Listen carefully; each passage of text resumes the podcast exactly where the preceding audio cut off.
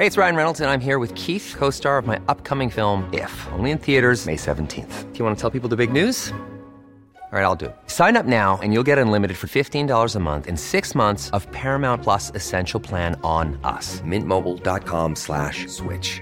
Upfront payment of $45 equivalent to $15 per month. Unlimited over 40 gigabytes per month. Face lower speeds. Videos at 480p. Active Mint customers by 531.24 get six months of Paramount Plus Essential Plan. Auto renews after six months. Offer ends May 31st, 2024. Separate Paramount Plus registration required. Terms and conditions apply if rated PG. Cool fact a crocodile can't stick out its tongue. Also, you can get health insurance for a month or just under a year in some states. United Healthcare short term insurance plans, underwritten by Golden Rule Insurance Company, offer flexible, budget friendly coverage for you. Learn more at uh1.com. Hey, I'm Ryan Reynolds. Recently, I asked Mint Mobile's legal team if big wireless companies are allowed to raise prices due to inflation. They said yes. And then when I asked if raising prices technically violates those onerous two year contracts, they said, What the f are you talking about, you insane Hollywood ass? F- So to recap, we're cutting the price of Mint Unlimited from $30 a month to just $15 a month. Give it a try at mintmobile.com slash switch. $45 upfront for three months plus taxes and fees. Promo rate for new customers for limited time. Unlimited more than 40 gigabytes per month. Slows. Full terms at mintmobile.com.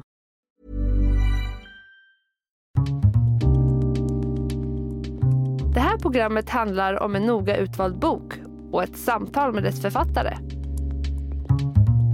Välkommen till Lära från lärda. Fredrik Hilleborg vid micken och den här veckan så har jag en bok i min hand som heter När hjärnan sviker om livet med demens. Med mig har jag författaren, jag säger välkommen till Hedvig Söderlund. Tack snälla, jättekul att vara här.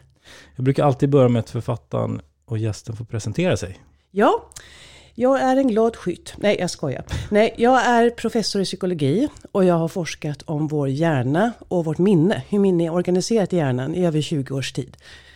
Och eh, i nuläget är jag adjungerad professor vid Luleå tekniska universitet. Har du någon hisspitch själv vad boken handlar om? Jaha, ja men boken är en blandning av fakta om eh, demenssjukdomar, eh, tidiga tecken att vara uppmärksam på, utvecklingsförlopp, vad som händer i hjärnan, vad man eventuellt kan göra själv för att minska risken att drabbas eller i alla fall fördröja insjuknandet. Men det är också en personlig bok som handlar om hur det är att vara anhörig till någon som drabbas av demenssjukdom. Då min egen pappa fick någon form av demens. Så jag tar även upp eh, det här mer känslomässiga aspekterna. Hur, hur, hur är det egentligen när, när ens förälder insjuknar i demenssjukdom och alla känslor som det innebär. Det är väldigt förvirrande och omtumlande. Vi, vi kanske ska reda ut det från början, för du skriver ju mycket om det där, vad det egentligen kallas. Precis. Eh, ska man säga demenssjukdomar eller ska man säga kognitiva sjukdomar? Eller vad ska man kalla det? Vad, vad ingår i paraplyt? Alltså så här, eh, klassiskt så kallas det ju för demens och demenssjukdomar. Men det har kommit att bli lite ifrågasatt som, ifrågasatt som begrepp. Dels på grund av stigmat kring ordet demens. Det används väldigt nedsättande och nedlåtande ibland. Eh, men också att det kan... De olika demenssjukdomarna är ganska olika i hur de tar sig uttryck och så. så. Så när man använder ordet demens för alla de här sjukdomarna så låter de mer lika än vad de faktiskt är. Men det har alltså kommit att användas mer och mer det här termen kognitiva sjukdomar för att, för att eh, ta bort stigmat och för att kanske visa att det faktiskt handlar om olika typer av sjukdomar istället för att bara prata om demens. Mm. Alltså ordet demens och dement används lite slentrianmässigt på lite felaktigt sätt. Så där man säger så här, men gud jag, jag håller på att bli dement. Alltså när man tappar minnet lite grann. Men, men det är ju faktiskt en sjukdom. Så här, när vi blir äldre så pratas det ibland om att åh, han håller på att bli senil eller senildement. Ungefär som att det var en del av det naturliga åldrandet. Men det är ju viktigt att påpeka då att demens är inte en naturlig del av åldrandet. Det är en sjukdom. Mm. Och därav kanske just kognitiva sjukdomar är det benämningen som ett paraplybegrepp. Precis, definitivt ett paraplybegrepp. I det kan man säga att det ingår Alzheimers sjukdom, vaskulär demens, frontallobsdemens, leverbodydemens och ibland ingår även Parkinsons sjukdom där. I kognitiva Ja. sjukdomar. Och för att få en liten så kanske första kartläggning, finns det någon statistik? Alltså hur många är det som blir drabbade av vad och sådär? Någon Ungefär. Ja men precis, ungefärliga siffror. Ja men man kan säga att i dagens Sverige så är det ungefär 160 000 personer som lider av någon typ av demenssjukdom. Av dem så är det ungefär 60% som har Alzheimers sjukdom. Vaskulär demens är den näst vanligaste och står för ungefär 20 procent. Sen efter det så kommer leverbodysjukdom eller leverbodydemens och frontallobsdemens. De är båda mer ovanliga. Och Parkinson? Parkinson kan leda till demenssjukdom. Det kan påverka den kognitiva förmågan. Men eh, ja, den räknas inte klassiskt som en av demenssjukdomarna. Men den är mer en muskelsjukdom? Den ja, drabbar inte... Det är det den är mest känd för. Det, det, det, är de första, precis. De tidiga symptomen är just eh, muskulärt och mm. motoriskt. Mm. Och problem med ja, men skakningar och stelhet i rörelserna och sådär. Och mm. det här är faktiskt intressant. Eh, leverbody-demens eller leverbody-sjukdom den, är också, den tar sig också uttryck i motoriken och musklerna. Och den missdiagnostiseras ofta för just Parkinsons. Man tror att det är Parkinsons och sen visar det sig att det är faktiskt inte det. Det är leverbody demens. Och av de som drabbas, liksom, när drabbas man? För, för här, man kan även bli drabbad när man är yngre. Det är inte, Precis även om det så. förknippas med äldre. Precis så. så. Så här är det också lite skillnad på de olika demenssjukdomarna eller kognitiva sjukdomarna. Alzheimer det är ju ändå för det mesta efter 65 års ålder. Cirka 10% av de som får Alzheimer får det i ung ålder, yngre ålder. Så där vid 40-50 års åldern förekommer. Och det är ovanligt men det finns alltså fall eh, där, det, där det är så tidigt. När det gäller vaskulär demens så är det oftast senare. För vaskulär demens handlar om problematik med det vaskulära, eh, vad heter det, kardiovaskulära systemet. Och att man har liksom ansamlat till exempel blodfetter och blodsocker och så vidare under en lång tid eh, i livet. Som till sist då när man är äldre ger sig uttryck, ger sig, eh, vad heter det? Alltså ger sig till känna så att säga i kognitiva symptom. Däremot frontallobsdemens, eh, det är känt för att drabba personer i yngre år, yngre ålder. Så där är folk fortfarande yrkesverksamma och det kan, det kan starta från så tidigt som 45 års ålder. Då misstolkas det ofta för andra problem för att man, kan liksom inte, man är inte van vid att folk kan drabbas av demenssjukdom i så unga år. Folk har till exempel fått diagnosen utmattningssyndrom. Man har trott att det har berott på stress och ja, utmattning helt enkelt. Att personen beter sig annorlunda och liksom inte klarar av sina arbetsuppgifter. Men det kan alltså vara frontallobsdemens. Men som sagt, frågan ursprungligen var som sagt att för det mesta är det när man är äldre men det finns också varianter som drabbar yngre personer. Och när det gäller Alzheimer så är det ju vanligare bland kvinnor. Det stämmer. Vet man varför? Man vet inte varför. Man forskar på det här. Först tänkte man så här, och då kan vi säga också att det är ungefär två kvinnor på en man. Så två tredjedelar av de drabbade är kvinnor. Ja men först tänkte man att det kanske är för att kvinnor blir äldre och att eh, Alzheimer drabbar oss för det mesta när vi blir äldre. Men det verkar inte vara så enkelt. Man, man forskar om det kan ha något att göra med hormoner, om det kan ha något att göra med gener, jag har funderat på det här med stress också. För utmattningssyndrom till exempel, ehm, som ju är kopplat till stress, drabbar fler kvinnor än män. Och stress kan vara en riskfaktor har man sett för Alzheimer. Så, mm. Men som sagt, man vet inte är det korta svaret. Men det forskas på det. Jag tänkte vi, vi kommer bland annat prata om eh, medicinering, vad man kan göra, förebygga, upptäcka och sådär. Men jag tänkte nu när vi ändå varit lite inne på det, ska vi försöka gå in och bara beskriva vad varje av de här olika sjukdomarna innebär, vad det Just får för det. utslag. Om, Just det. Ska vi börja med Alzheimer som är den absolut största? Absolut. Vad gör den? Just det. Nej, men de tidiga tecknen för Alzheimer det är väl det som man för det mesta kopplar ihop med demenssjukdom, alltså minnesproblem. Det brukar ta sig uttryck i att personen kanske oftare glömmer saker, glömmer var den har lagt saker. Eh, den kanske glömmer bort namnet på olika föremål. Det är ju väldigt vanligt när vi blir äldre eller när vi är trötta och stressade att vi glömmer bort namnet på, ja men den där skådespelaren, vad hette hon nu igen? Det är ju jättevanligt att vi glömmer bort namn. Men när det gäller Alzheimers sjukdom så är det vanligast att man glömmer bort namnet på saker, alltså substantiv. Eh, så det är ett tidigt tecken. Också att man förvirrar sig i sin vanliga hemmamiljö, hemmiljö, närmiljö. Att man börjar få problem att hitta helt enkelt. Det är ett ganska klassiskt eh, fenomen. En annan sak är att man eh, tappar initiativförmågan och börjar bli lite mer passiv. Och tappar intresset för sånt som man förut har gillat att göra.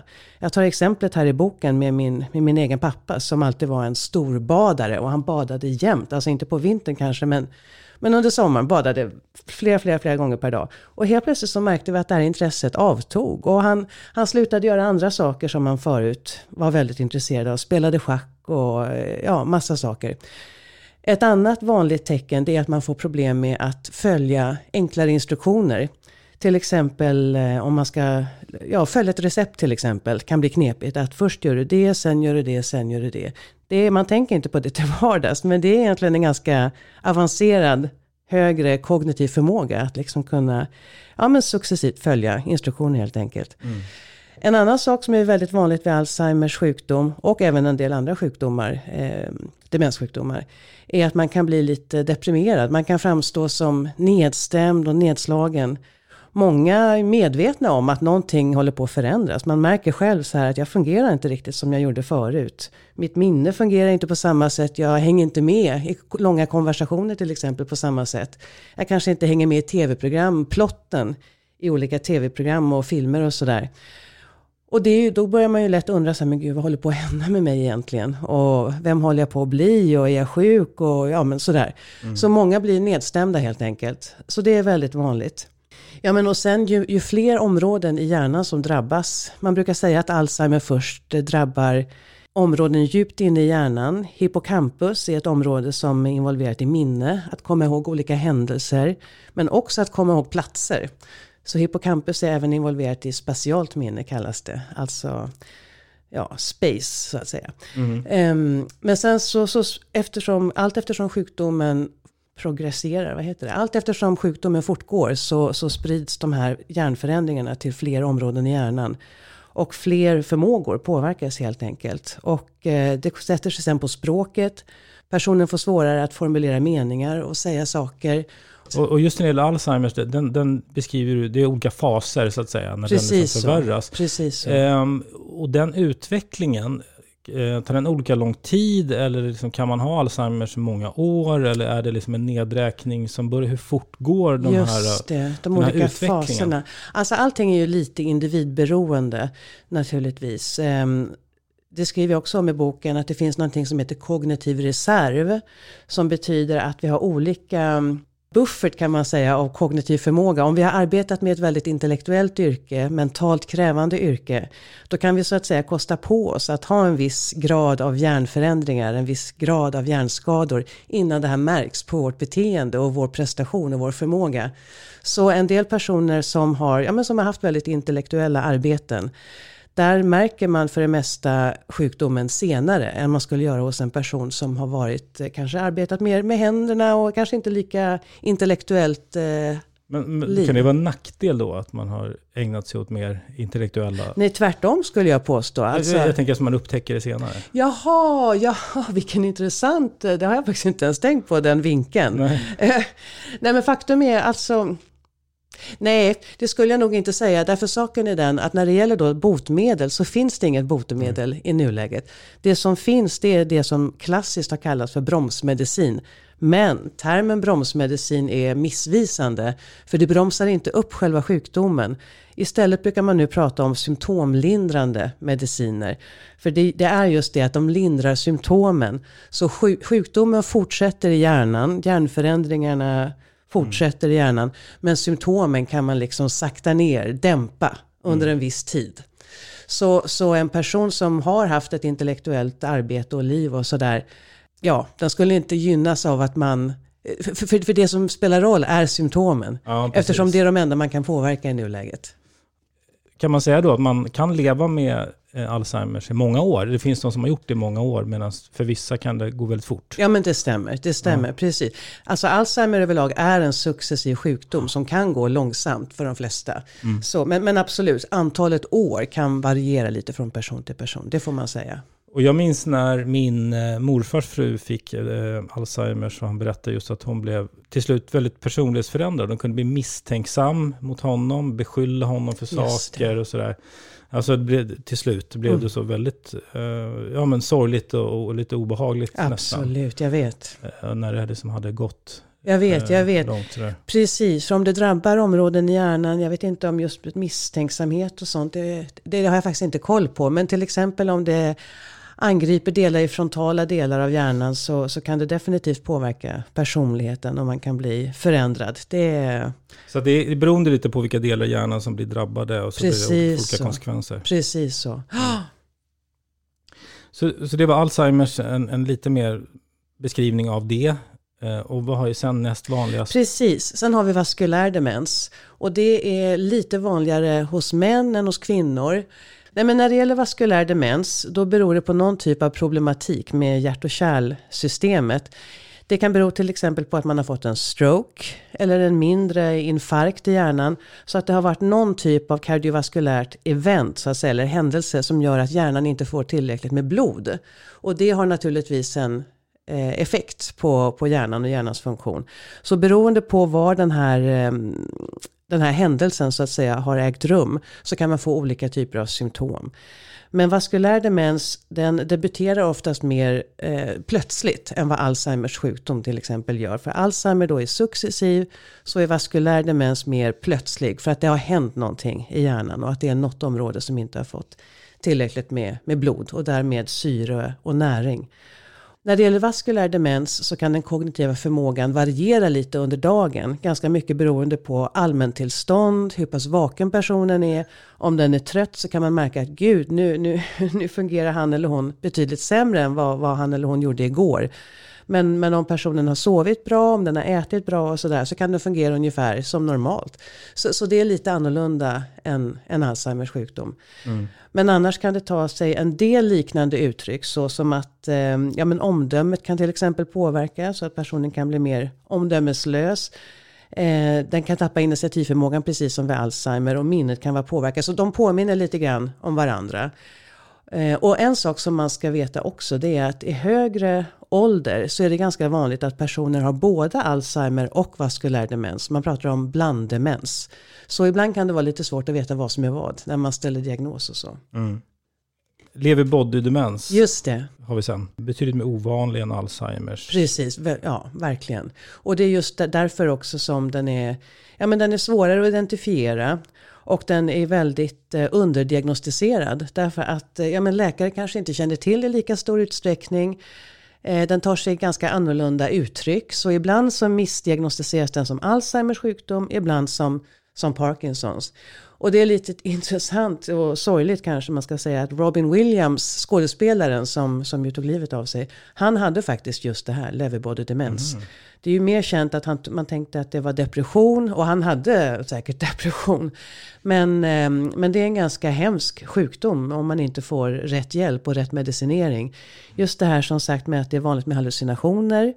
Man kan se människor som inte finns där, man kan se djur som inte finns där de flesta är medvetna om att det här är inte på riktigt. Men man ser ändå de här och det kan vara väldigt skrämmande. Och Robin, heter han Robin Williams? Ja. ja. Robin Williams fru skrev en artikel om det här efter att han hade gått bort som heter The Terrorist Inside My Husband's Brain. För att det var just en sån hemsk sjukdom att leva med. Det är också när det gäller leverbody demens så påverkar det alltså motoriken ofta och man kan få väldigt stela rörelser och gå långsamt med stapplande steg. Så det på, påminner verkligen om Parkinson. Det är vanligt också att få problem med, med djupseendet och 3D, alltså tredimensionell syn. Många sätter sig lite snett på stolen. Man har liksom lite svårt med ja, men bedöma avstånd och djup och sådär frontallobsdemens i nästa. Vad kännetecknar den? Precis. Så här finns det två varianter. Det finns beteendevarianten och det finns språkvarianten. Beteendevarianten är den vanligaste och då, den brukar ta sig uttryck i personlighetsförändringar. Att helt plötsligt blir personen ohämmad, den kanske drar sexuella skämt när det absolut inte passar med personer som den inte känner. Den kan börja äta helt ohämmat och obegränsat och liksom den kanske går upp väldigt mycket i vikt. Den kanske börjar dricka alkohol på ett sätt som den inte alls har druckit förut. Och ja, på olika sätt ohämmad helt enkelt. Och frontallobsdemens, det har man ju på namnet att det sitter i frontalloberna. Och det är alltså pannloben längst fram eh, ovanför ögonen. Och här sitter bland annat vår förmåga att begränsa oss och att hämma oss själva. Och att eh, anpassa oss till sociala normer. Så jag hörde till exempel om en herre eller en man som eh, ja, men som hade haft ett eh, väldigt högt och avancerat arbete och nu spelade han tennis på någon tennisklubb. Och sen när de skulle gå och äta så gick han förbi någon person som satt och åt och då tog han en pommes frites från dens tallrik och, och åt. Helt obekymrat sådär. Och det, det, det, ja, men det, det gör man ju liksom inte så att säga. Men det visar sig att han, han var i ett tidigt stadium av frontallobsdemens. Mm. Sen finns det språkvarianten också och eh, den sätter sig då på språket som man hör. Här är det vanligt att personen plötsligt inte längre förstår vad andra människor säger. Den förstår inte innebörden i ord. Och det har hänt att man tror att personen kanske inte hör ordentligt. Men det handlar inte om det. Det handlar om att ni inte förstår vad andra säger. Jag träffade en person för många år sedan som hade svårt att prata. Och då förstod jag faktiskt inte riktigt, för jag kände inte till det här med frontalobstemens lika mycket då. Men det visade sig, hon, hon, hon pratade liksom inte utan hon småsjöng lite och gestikulerade med armarna och sådär. Det visade sig sen att hon hade frontalobstement, för det satte sig då på, på språkförmågan. Mm. Både att producera tal och att förstå tal. Det är ju väldigt sorgligt. Och när det gäller frontalobstemens så brukar det handlar om att områden i pannloben, frontalloben, men även temporalloben eller tinningloben. Det officiella namnet är egentligen frontotemporal demens, för det kan drabba antingen eller både och, frontalloben och temporalloben, tinningloben. Och det är vanligt att Även om det börjar till exempel med beteendeförändringar och personen blir ohämmad och obegränsad så kan det även sen progressera eller utveckla sig så att även språket sen kommer att påverkas. Och å andra sidan, de som har språkproblem inledningsvis kan så småningom även få problem med, med beteendet. Mm. Så det, det, är en besvärlig sjukdom och den drabbar som sagt ofta folk när de är yngre och yrkesverksamma. Så, och det kan, bli, ja, men det kan bli komplicerat på arbetsplatsen, särskilt om ja, men man, man vet inte vad det är frågan om. Och, och personen börjar plötsligt bete sig kanske aggressivt eller bli elak eller ja, men som sagt ohämmad. Så det, det, det är en knepig, väldigt knepig sjukdom. Hej, jag Ryan Reynolds. På Mint Mobile, we like to do the opposite of what Big Wireless does. They charge you a lot. We charge you a little. So naturally, when they announced they'd be raising their prices due to inflation, we decided to deflate our prices due to not hating you. That's right. We're cutting the price of Mint Unlimited from $30 a month to just $15 a month. Give it a try at mintmobile.com slash switch. $45 up front for three months plus taxes and fees. Promo for new customers for limited time. Unlimited more than 40 gigabytes per month. Slows. Full terms at mintmobile.com. There's never been a faster or easier way to start your weight loss journey than with plush care PlushCare accepts most insurance plans and gives you online access to board-certified physicians who can prescribe FDA-approved weight loss medications like Wigovi and Zepbound for those who qualify. Take charge of your health and speak with a board-certified physician about a weight loss plan that's right for you. Get started today at plushcare.com slash weight loss. That's plushcare.com slash weight loss. plushcare.com slash weight loss. Since 2013, Bombas has donated over 100 million socks, underwear, and T-shirts to those facing homelessness. If we counted those on air, this ad would last over 1,157 days. But if we counted the time it takes to make a donation possible, it would take just a few clicks. Because every time you make a purchase, Bombas donates an item to someone who needs it. Go to bombas.com slash ACAST and use code ACAST for 20% off your first purchase. That's bombas.com slash ACAST, code ACAST. Och, och, när det gäller alla de här, för att de, till viss del så är det ju vissa beteenden eller effekter som är lite lika varandra och sådär. Hur exakt kan man vara att pricka in och säga att den här personen har det här? Hur, hur, exakt blir man där? Det är en jättebra fråga, för det, det är knepigt just. För, för det kan vara en kombination som du sa också. Precis så. jättesvårt. Ja, men precis så. Alltså det är väl framförallt kanske då Alzheimer och vaskulär demens som, som överlappar. Men, men de kan ju ha gemensamma symptom helt klart. Ja. Men frontallobsdemens till exempel, ja men då krävs det för det mesta en eh, hjärn, hjärnavbildning för att kunna se. Är det de frontala delarna som har atrofierat, säger man, som har krympt? Så, så då, då kan man sannolikt eh, avgöra det. Och när det gäller leverbody demens, där har man sett att det är en viss typ av protein som eh, har ansamlats i hjärnan. Men det, det är också svårt att, att ställa en exakt diagnos som sagt. Hur gör man då när man, ska, när man liksom tar reda på? Ja men det första som man gör det är ju att man går till sin husläkare och, och får en allmän bedömning. Mm. Och det som husläkaren gör då det brukar vara att köra ett kortare kognitivt batteri eller kognitivt test. Eh, man brukar köra någonting som heter minimental eh, Minimental State Examination, MMSE. Och det här består av frågor där man eh, får svara på vilken dag det är, vilken månad det är, vilken årstid och så vidare. Man ska komma ihåg några ord, man ska följa några instruktioner, man ska räkna lite. Så det är lite olika typer av tester. Sen så brukar läkaren även begära eh, blodprov så att man ska titta på om det är det kan ju vara så att den här kognitiva svikten som man kanske har, alltså den kognitiva nedsättningen, problem med minnet, problem med uppmärksamhet och så. Det kanske beror på något annat. Det kanske inte är demenssjukdom, det kanske är stress. Det kanske är överdriven alkoholkonsumtion. Det kanske är någon annan typ av sjukdom helt enkelt. Så man brukar ta blodprov. Man brukar också göra en enklare hjärnskanning, eh, alltså hjärnavbildning, CT eller datortomografi. För att se, finns det några uppenbara saker här? Till exempel finns det någon tumör? Eller ser vi att det har varit en hjärnblödning någonstans? Och så vidare. Så man inleder med en enklare hjärnundersökning, blodprov och eh, kognitiva förmågor. Eh, det kan också vara bra att prata med någon anhörig för att liksom höra om vardagslivet har förändrats på något sätt. Har du märkt någon skillnad i beteende hos personen och så vidare. Mm. Så, och ofta, det beror ju lite på vilka resurser kommunen som man bor i har det, det är ofta så nöjer de sig med, med det, att man kanske identifierar vad det kan röra sig om redan där och då. Men lyckas man inte med det eh, och man vill gå vidare så kan man göra en mer fördjupad undersökning.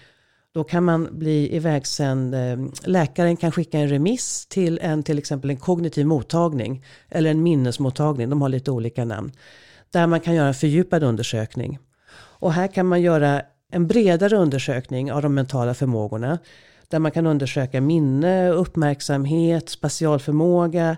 Man kan undersöka beteende överlag, eh, humör och så vidare. Så alltså ett bredare testbatteri helt enkelt. Mm. Man kan också göra en utökad hjärnavbildning. Man kan använda magnetresonans. Då kan man i mer detalj se hjärnan. Man kan se vitmassan i mer detalj om det är några förändringar där.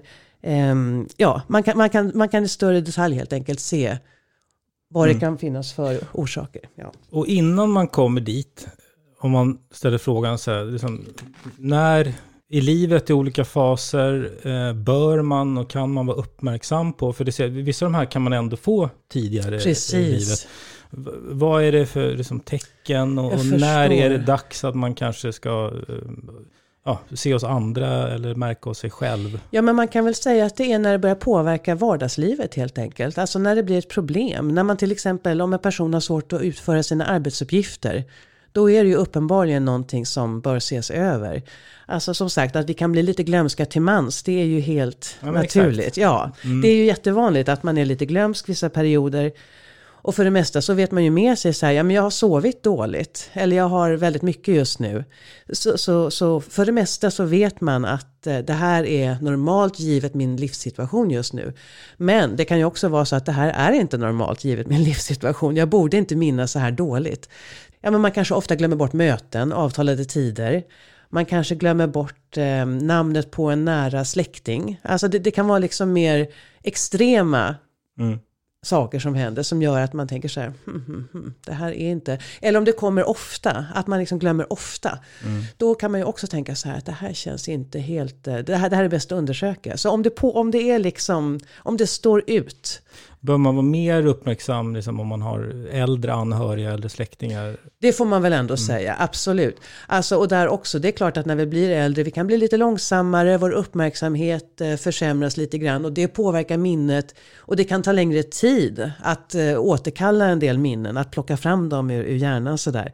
Men, eh, men som sagt, märker man att det börjar påverka vardagslivet skulle jag säga. Och mm. att det sker om och om igen. Och steg ett då sen är det som husläkaren och det är hus... där så kan man komma vidare. Precis så. Sen är det också flera kommuner som har så kallade demenssamordnare eller demenssjuksköterskor som man kan höra av sig till och fråga om råd. Mm. Så det kan också vara någonting om man inte ja, vill gå till husläkaren omedelbart. Mm. Så kan man kolla upp det och, och, och få rådgivning. Och vi var inne på det tidigare att det, i dagsläget finns det ingen, inga mediciner som, så att säga, som botar, mm. utan det är snarare eh, ja, Lindrar. Så, så kallade, ja, lindrar, ja. Mm. Så kallade bromsmediciner. Eh, men det forskas intensivt det forskas intensivt, ja, särskilt när det gäller Alzheimer. Mm. Alzheimer är ju ändå den största sjukdomen och den är också därför den som får mest pengar i nuläget. Precis, och, och vi får se i framtiden. Det, det forskas i alla fall mycket, vilket är positivt. Verkligen. Men då tänkte jag, eh, jag vill också prata om att kunna förebygga i så stor utsträckning som möjligt. Just det. Vad kan man göra? Ja, då skulle jag säga så här att eh, en del demenssjukdomar, man vet inte exakt varför folk får vissa demenssjukdomar. Det här gäller väl särskilt kanske frontallobsdemens och leverbodydemens som är mer ovanliga och därför mindre utforskade. Och, och får jag sticka in med en grej? Absolut. För det kan vi också ha sagt att vilka får det, eh, då är det det kan vara ärftligt, men det kan också vara att man får det utan att ens föräldrar... Precis så, precis så. Så att egentligen är det ju Så åt vem all- som helst. Ja, men, Fast det ökar risken för om båda ens föräldrar har fått Alzheimers. ja, men det är precis så. Det är precis så. Så det är inte helt välkänt vilka, vilka orsaker som ligger bakom. De största riskfaktorerna är ålder, allra först och främst. Hög ålder är en stor riskfaktor och därefter kommer gener. När det gäller Alzheimers sjukdom, då brukar man säga att ungefär 30% av risken kan man faktiskt påverka själv genom hur man eh, lever sitt liv. Så det som man brukar säga om eh, ja, men till exempel åldrande och så, det gäller även här. Att leva ett så hälsosamt liv som möjligt. Med, man brukar prata om medelhavskost till exempel, att den är nyttig. Med är det fet fisk och olivolja och nötter och mycket grönsaker och frukt och så. Men även den nordiska kosten säger man är bra med våra, våra fiskar som vi har här uppe och bär. Bär, blåbär och, och lingon och så brukar man säga också är hälsosamt. Att röra på sig är naturligtvis bra för att hålla kroppen i trim. Och det kan man säga att det som är bra för hjärtat är också bra för hjärnan. Och det säger egentligen sig självt när man tänker på det. Att blodet som kommer till hjärnan måste naturligtvis vara så bra som möjligt. Så rikt på syre som möjligt och så mycket näring som möjligt. Det är bra att hålla sig i form, att motionera kroppen, men även att motionera knoppen och att eh, hålla hjärnan aktiv och stimulerad och, och igång och så. Så det är bra med sociala aktiviteter till exempel, att ha umgänge med andra människor. För, för det har man sett att det mår vi bra av och det mår naturligtvis då också hjärnan och kroppen bra av. Och jag som gillar att läsa böcker till exempel, alltså den här mentala motionen. Precis, den är absolut mycket värd. Och det behöver inte kanske vara böcker just, men Mental stimulans. eh, lösa korsord. Precis, lösa korsord, sudoku hoppas jag, för det tycker jag själv om. Precis, att stimulera hjärnan, utmana hjärnan. Det är jätte, jättenyttigt. Och jag ska väl ändå säga det att just det här med att förebygga demens, det ordet är ju lite... Det är svårt att säga om man verkligen kan förebygga demens, men åtminstone så kan man fördröja symptomen. Och man kanske kan fördröja insjuknandet i alla fall.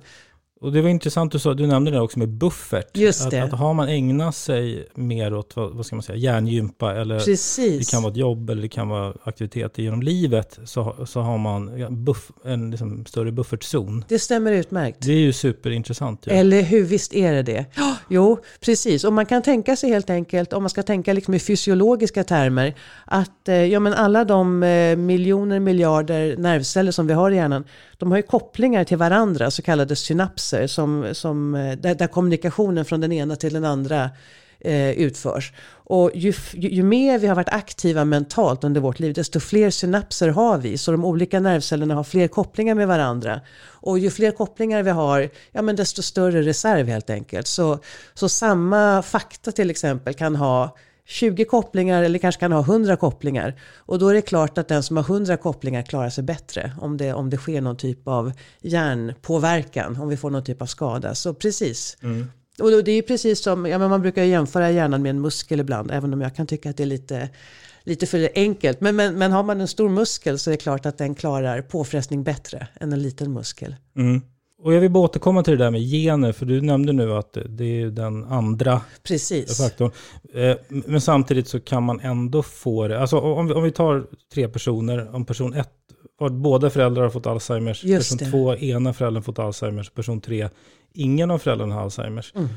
Då har den med två Det föräldrar, får man ändå säga. fast ingen garanti för någon, håll. Precis så. Nej, eller? men precis så. Precis så. Det, det, det är ingen garanti eller så att säga. Det är, det är inte säkert att man kommer få det bara för att ens föräldrar har det. Men man kanske det är ökar mer, risken. Ja, okej, Ja. så man kanske bör vara mer uppmärksam eller mer, lite mer orolig då. Om man, Ja men precis, precis. Fast den som, vars föräldrar ingen har det, det finns ändå en liten risk att Det få finns det. så att en risk, Mm. ja men precis, precis. Det är komplicerat det där. Men det kan ändå vara en liten tröst kanske att veta om att det är ingen, eh, det är inget måste att man måste få det så att säga. även om man har Precis så, ja gudskelov. Ja men precis så. Så man ska leva så hälsosamt, så bra och så, så bra som möjligt så minskar Mm. man risken att drabbas. Är det även en rekommendation till någon som kanske har en, en början på en Alzheimers att man ska, eh, ja till exempel ägna sig åt hjärngympa och, och de här sakerna även då? Alltså, Absolut. Är det en del av så att säga, behandlingen? Eller vad man ska säga, Ja som men precis, ja men precis. Så även om man är drabbad så ehm, Hålla, ja, hålla man, igång. Man, man får ett bättre liv om man håller igång, absolut. Mm. Mm. Eller bättre tillvaro ska jag säga. Jag tänkte som sista del att vi ska prata om det här med som anhörig.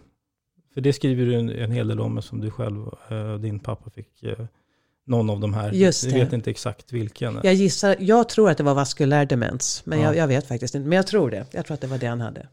För det är ju väldigt speciellt, eller en sak som är speciell, det är ju det att den, om det, speciellt om det är någon som lever med någon som får, att det blir nästan att det kan drabba den minst lika mycket eller mer i vissa fall, som upptäcker det och som, medan den som själv kanske blir drabbad kanske inte själv upptäcker det på samma just sätt. Det, just Så, det. som lägger märke till det här och det finns väldigt mycket sorg i det och så vidare. Mm. Vad skulle du vilja säga om det, just det här anhörigperspektivet? Ja men det är väldigt tufft när, när en anhörig drabbas. Jag vet ju inte själv hur det är att ha en partner som drabbas men jag kan bara föreställa mig. Men bara att ha en förälder som insjuknar det är, ja, men det är en väldig sorg. Att eh, just när det är hjärnan, det är så speciellt med hjärnan. Det, det är ju ändå där som vår personlighet sitter och vår identitet sitter. Och, och att eh, ja, men när någon drabbas där så, så känns det nog lite... Och jag tänkte på det du skrev, det här med att man nästan byter plats från att det din, du är barnet. Ombytta roller. Ja, exakt. Precis. Att plötsligt blir du föräldern som måste eh, hjälpa till. Och, och man, Precis. det finns ju en sorg i det också. Absolut en sorg. Det är verkligen. Jo men det är, även om det är naturligt att när vi blir äldre så behöver vi hjälp. Det kanske inte är så konstigt. Men det är ändå lite ledsamt som barn. Att uppleva att oj oj oj. Det är, nu är inte pappa min pappa längre. Utan nu är det jag som tar hand om honom. Det Och han är kvar fysiskt men försvinner. Precis, Ja. och det där är också, det är väldigt förvirrande att uppleva, ja jag skriver om det i boken också, att det är som att man sörjer om och om igen. Därför att man har förlorat personen men den finns kvar där fysiskt och det är, ja, och ibland dyker den upp, det dess gamla jag sådär. Det finns liksom vissa ljusglimtar eller solglimtar så bara oj oj oj, men gud nu kom pappa ihåg något från förr sådär. Och det är både roligt och ledsamt när det händer, kände jag i alla fall. Att så här, åh vad kul, nu fick jag vara lite med pappa igen. Men samtidigt så blir det ledsamt för då påminns man ännu mer om vad det är man har förlorat. Så, så det är otroligt omtumlande. Vad kunde det handla om? Eh, Ja men till exempel när han skulle flytta in på sitt boende som det till sist blev nödvändigt tyvärr. Då så konkade jag in ett bord i hans rum för att han skulle ha någonstans att sitta och äta och sådär. Eh, och då var det en granne till honom som kommenterade att åh vad, vad, vad stark hon är som, som lyfter det där bordet. Och då sa pappa ja hon har spelat handboll. Och, då, kände- och det hade jag ju. Och jag blev liksom så paff att, ja men tänk att han kom ihåg det nu sådär. Jag bara, ja, ja jag, jag, jag minns det fortfarande väldigt tydligt för att det var så förvirrande. För då kände jag också så här, men gud, han kanske inte behöver bo här. Är Nej, det fel precis. att han ska bo här när han kommer ihåg det? Ja, det var jätteförvirrande. Och så var det någon annan gång när jag, jag, jag, jag ställde explicit lite frågor om hans barndom och sådär. För jag tänkte att det kanske han kommer ihåg mer än vad han kommer ihåg vad han gjorde igår. Liksom. Då kunde det också vara sådana där, eh, ja men han berättade lite om uppväxten på Fredhäll, i Fredhäll och sådär. Och, ja, Vad var, vad var första tecknen eh, hos honom? Oj, ja, jag skulle säga att det kanske kom lite parallellt. Det var väl framförallt minnet, att han upprepade sig väldigt mycket. Det var särskilt olika historier som han berättade om och om och om igen. Och det där kan ju hända oss alla, att vi berättar samma sak flera gånger. Men när det är sådär fem, sju, tio gånger som man har hört samma historia. Sen märkte jag också att han han skulle köra till bilprovningen i Ulvsunda, som det hette. Och han hittade inte riktigt dit, vilket var väldigt konstigt. För dit har han kört många, många gånger och han hade väldigt bra lokalsinne. Så det var också en grej. Och sen märkte vi också att han fick svårare att betala räkningarna. Han, eh, ja men som alla andra nu för tiden så betalade han dem på nätet. Men helt plötsligt så började han göra misstag. Och kortet spärrades och numret spärrades. Och, så vi märkte att det blev problem för honom att liksom successivt följa instruktioner sådär när saker ska göras i en viss sekvens. Så det var flera saker som, eh, som helt plötsligt inte fungerade. De högre mentala förmågorna. Och, hur lång var processen sen? Hur många år? Den var väldigt långsam skulle jag säga. Den var faktiskt, och jag har tänkt på det efteråt. För pappa var 87 när han gick bort. Eh, och på 80-årsdagen så märkte jag Ja men då hade det börjat fallera, det märkte jag. Så det var men, 7-8 år någonting? Ja, mer nästan. När man börjar typ, för det här är också så knepigt, trots att jag är minnesforskare och borde veta det här. Så ja, jag såg inte, ville inte se, vem vet. Men, men, när man tittar tillbaka efteråt, då inser man så här att det där var ju faktiskt ett tecken. Men eh, antingen så vill man inte se, eller så ser man inte. När det gäller den egna familjen. Det mm. Vad skulle du rekommendera för den som liksom hamnar i den situationen då? Att, att man har någon man känner som man ja. börjar se tecken hos. Alltså just att både, både bemötande och kanske hur kan man tänka? Jo men så om man har en anhörig som är drabbad av demenssjukdom och som kanske inte kommer ihåg så mycket och kanske upprepar sig och så. Det är ju väldigt känsligt att, eh, att själv uppleva att man har förändrats och att ens hjärna har förändrats. Och det som jag märkte med pappa var att um, Ja, men man, man, kanske inte ska hålla på och rätta personen hela tiden och säga så här, nej men nu, nu blandar du ihop och nej, nej, nej, men det är inte 1970 pappa, det är 2000 och sådär. Därför att den som är drabbad, om det har gått så pass långt i sjukdomen att den inte riktigt märker det här själv, den blir bara förvirrad om du försöker att säga, ja, men, och, och, och, man kan ju tänka sig själv så här, om, om någon säger så här, men Hedvig, det är inte 2023 nu, det är 2045. Alltså mm. man skulle ju bli det skulle vara väldigt konstigt om man försöker vända på situationen sådär.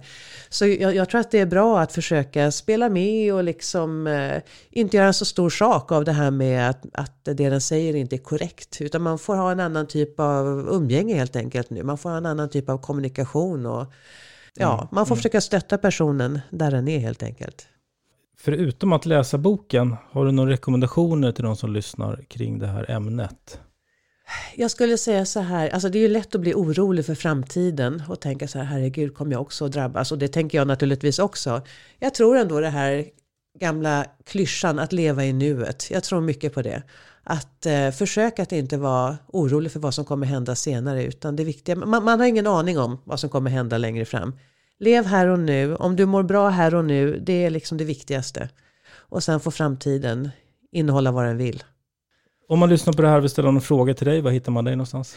Om man vill höra av sig till mig så hittar man mig på hemsidan brainofsweden.se och där finns även min e-postadress om det skulle vara så.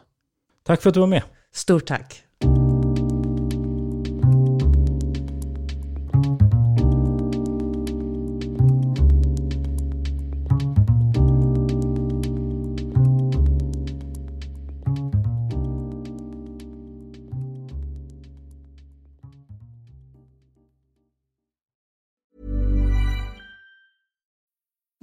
Need mealtime inspiration, it's worth shopping Kroger, where you'll find over 30,000 mouthwatering choices that excite your inner foodie. And no matter what tasty choice you make, you'll enjoy our everyday low prices, plus extra ways to save, like digital coupons worth over $600 each week. You can also save up to $1 off per gallon at the pump with fuel points. More savings and more inspiring flavors make shopping Kroger worth it every time. Kroger, fresh for everyone. Fuel restrictions apply.